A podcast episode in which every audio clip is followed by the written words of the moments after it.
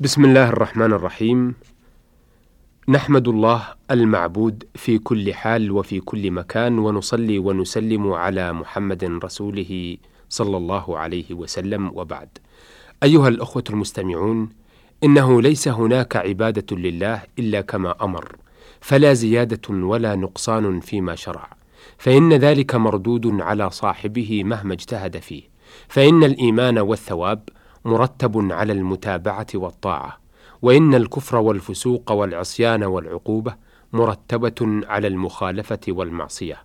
قال تعالى تلك حدود الله ومن يطع الله ورسوله يدخله جنات تجري من تحتها الأنهار خالدين فيها وذلك الفوز العظيم.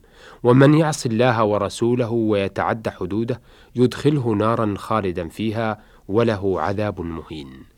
فلقد فضل الله بعض الأزمان على بعض وبعض الأمكنة على بعض وهذا التفضيل لمضاعفة الأجر لما شرع فيها من العبادات.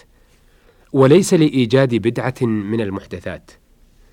فمما فضله الله سبحانه شهر رمضان الذي فرض صيام نهاره وسن قيام ليله وضاعف الحسنات فيه وضاعف شهر الحج الذي فرض فيه زيارة بيته والمشاعر المفضلة في تلك البقعة.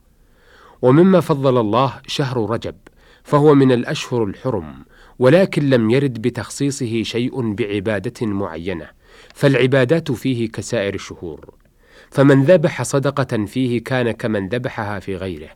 فلا يخصص بالذبائح فإن ذلك من فعل الجاهلية الذي نسخه الإسلام قال صلى الله عليه وسلم لا فرع ولا عتيرة في الإسلام ولا صلاة معينة فيه من النوافل وما وجد فيه عن صلاة الرغائب وهي التنفل في أول ليلة جمعة من رجب لم يثبت فيه شيء عن النبي صلى الله عليه وسلم.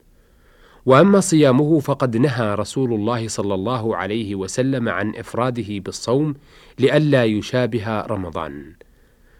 وألا يشابه تعظيم الجاهلية بإفراده بالصوم لأنه مكروه، إلا من كان له عادة كصيام الاثنين والخميس وثلاثة أيام من كل شهر فهو كغيره. وفي الأثر أنهم قالوا يا رسول الله إنا كنا نعتر فيه أي شهر رجب، قال اذبحوا لله.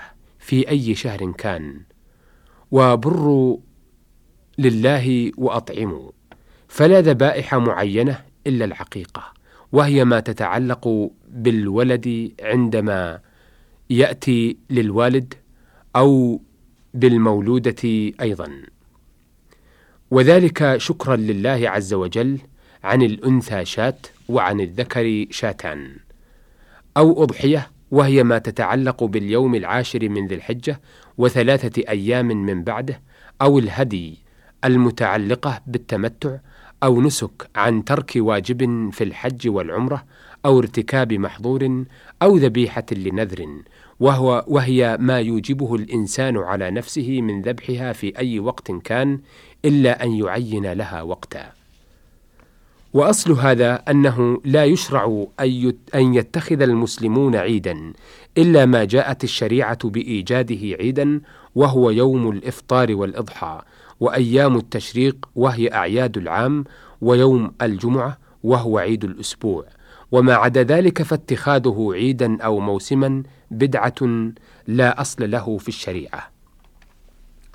وكما أن رجب لا يخص بعمرة فيه كما يخصه البعض بالاعتمار فيه، وإنما فضلت العمرة في شهر رمضان، وكذلك لم يرد نص ولا أثر ولا فعل من السلف يشير إلى الاحتفال بحادث الإسراء والمعراج في هذا الشهر.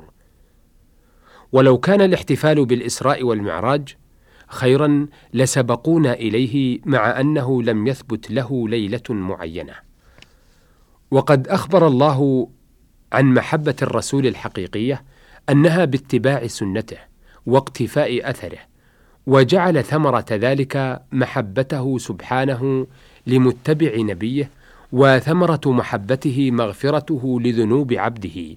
قال تعالى قل إن كنتم تحبون الله فاتبعوني يحببكم الله ويغفر لكم ذنوبكم والله غفور رحيم.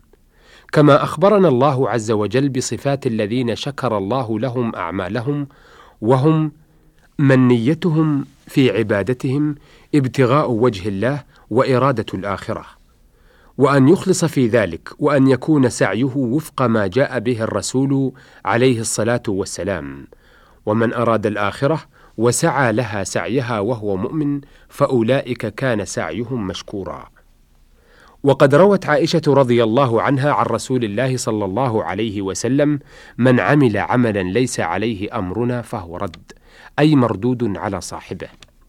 فهذا الحديث صريح في إبطال البدع في العبادات وأنها مردودة على أصحابها مهما اجتهد فيها.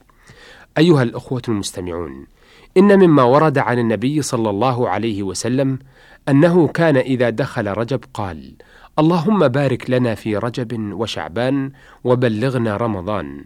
ففي هذا الحديث دليل على استحباب الدعاء بالبقاء إلى الأزمان الفاضلة لإدراك الأعمال الصالحة فيها. فإن المؤمن لا يزيده عمره إلا خيرا وخير الناس من طال عمره وحسن عمله. وكان السلف الصالح رضوان الله عليهم أجمعين يحبون أن يموتوا عقب عمل صالح من صوم رمضان أو رجوع من حج. فبالأعمال الصالحة وترك البدع تطيب حياة المسلم دنيا وأخرى. قال تعالى من عمل صالحا من ذكر أو أنثى وهو مؤمن فلنحيينه حياة طيبة ولنجزينهم أجرهم بأحسن ما كانوا يعملون. نسأل الله أن يرزقنا الاتباع ويعيذنا من الابتداع. وصلى الله وسلم على نبينا محمد وعلى آله وصحبه وسلم.